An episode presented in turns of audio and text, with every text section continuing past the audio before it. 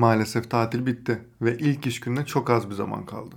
Nasıl bu kadar hızlı geçti? Neden bu kadar mutsuzum ve neden bu kadar öfkeliyim? Neden içim sıkılıyor?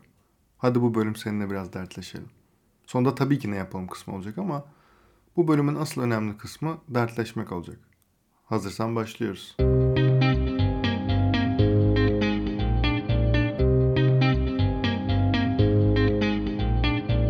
Merhaba, ben Hakan Şık.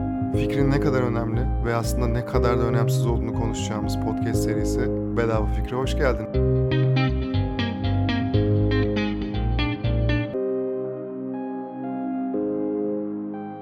Hani Masterchef'te meşhur bir cümle var ya, şef son tabağa kadar şeftir. İş hayatı da tam olarak böyle. Her toplantıda, her sana verilen işte her zaman en iyi performansı göstermek zorundasın. Son işi nasıl başarıyla teslim ettiğinin hiçbir önemi yok. Geçen hafta veya 2 saat önceki toplantıda harikalar yaratmış olsan bile 15 dakika sonra yapacağın sunumu beceremezsen hiçbirinin anlamı yok. Son 15 yılımın pazar günlerinin çoğunu mutsuz geçirdim. Özellikle de öğleden sonralarını. Çünkü diğer gün yine sabah kalkıp işe gideceğim. O toplantıya gireceğim. Hatta o toplantıyı ben yöneteceğim. Birçok insan yine benim açığımı arayacak. Toplantı devam ederken WhatsApp gruplarından dedikodular dönecek falan. Birebir yaşadığım bir örneği anlatayım.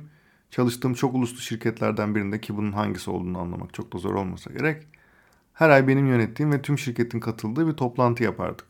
Onlarca kişi katılırdı farklı departmanlardan. O toplantılarda Türk olmayan genel müdürün gözüne girip benim ve anlattığım şeyler hakkında olumlu şeyler söylemesi benim için hem iyi hem de kötü olurdu. Neden iyi olduğunu anlatmama gerek yok ama kötü tarafı şuydu. Dedikodu kazanları kaynamaya başlardı. Bu projeyi neden o yapıyor, neden biz daha ön planda değiliz falan. Hem WhatsApp gruplarında hem de teke tek yazışmalarda neler konuşulurdu neler.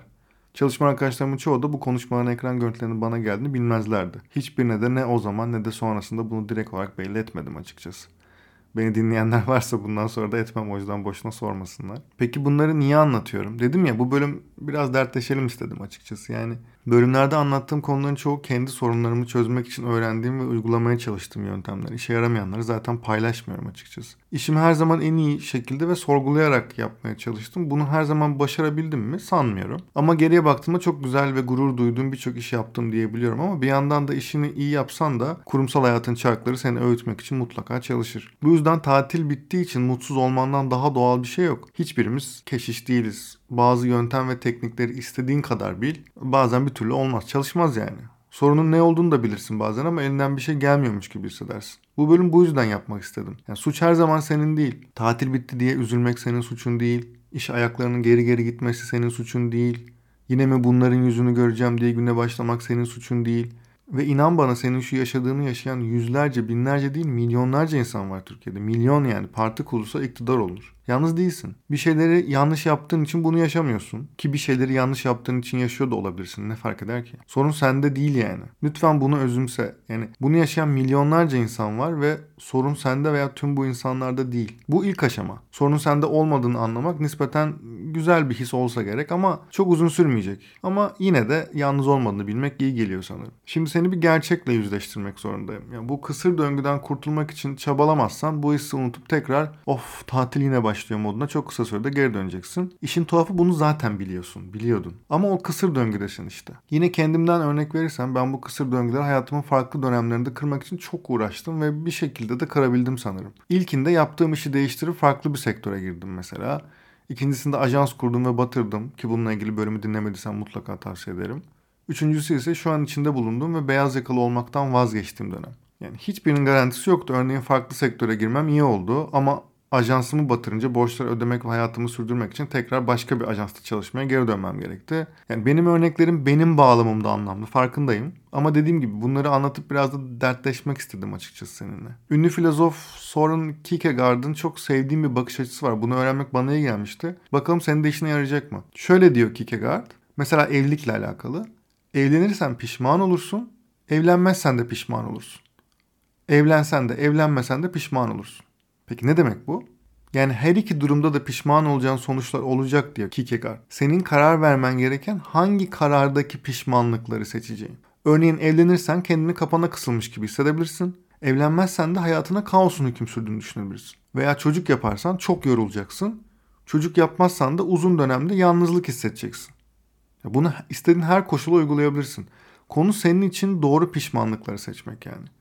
Kierkegaard'a göre mükemmel seçenek diye bir şey neredeyse mümkün değil. Şimdi bizim durumumuza gelecek olursak tatil bitti diye üzülüyorsan bu senin seçtiğin bir ızdırap olduğu için yaşıyorsun. Çünkü her şeye rağmen maaş yatıyor. Belki maaşın da düzenli yatmıyor ama maaşı alma ihtimali sana iyi geliyor. Peki bunun karşısında seçebileceğin diğer ızdıraplar neler? Birincisi iş aramak. İş başvurusu yapıp geri dönüş olmaması seni rahatsız edebilir. Reddedilmek seni mutsuz edebilir. Başka bir iş yerine adapte olma süreci seni korkutuyor olabilir. Bu örnekleri istediğine ekle. Bir diğeri de kendi işini yapmak. Onun ızdırapları da başka. Ne iş yapacaksın, nasıl müşteri bulacaksın, o müşterilerden ne kadar para kazanacaksın, o kazandığın paranın sürekliliğini nasıl sağlayacaksın? Yine istediğin kadar örnek ekle. Yani burada mevzu senin bir şeyleri becerip becerememen değil. Hangi ızdırabı seçeceğin? Sana göre eyvah tatil bitti yine iş var ızdırabı diğer potansiyel ızdıraplardan daha kontrol edilebilir olduğu için şu an bunu yaşıyorsun. Peki yapanlar nasıl yapıyor dersen o ızdırap artık çekilemez düzeye gelince patlıyorlar ve kimi zaman ne olursa olsun diğer ızdıraplardan birini seçiyorlar. Bende hep böyle oldu açıkçası. İstisnasız her seferinde böyle oldu. Bu bakış açısını biraz kötümser olarak algılayabilirsin ama bana çok iyi geliyor. Açıkçası ilk öğrendiğimde de bayağı rahatlatmıştı beni. Yani her durumda ızdırap çekeceğimi ama en azından bu ızdıraplar arasında seçim yapabileceğimi anlamak bana hala iyi geliyor. İşin güzelliği de vereceğin her karar için uygulayabilirsin. Bir kağıda o kararın avantajları ve dezavantajlarını yazman yeterli. Sonuç olarak ben her ay o toplantıda nasıl performans sergilediğimden bağımsız yaşadığım stresin ızdırabını bıraktım. Onun yerine bu ay danışmanlık yaptığım şirketlerden ödememi alabilecek miyim ızdırabını koydum mesela başlarken. Şimdi bu ızdırabı azaltacak ve değiştirecek başka yollar deniyorum. Umarım bu bakış açısı bir nebze olsun işine yarar. Ben de işe yaramayan hiçbir yöntemi sana anlatmıyorum biliyorsun. O yüzden içim rahat. Buraya kadar bana eşlik ettiğin için çok teşekkür ederim.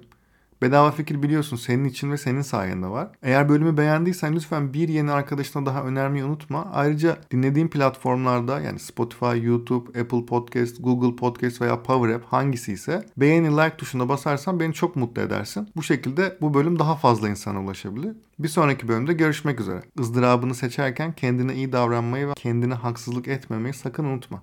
Hoşçakal.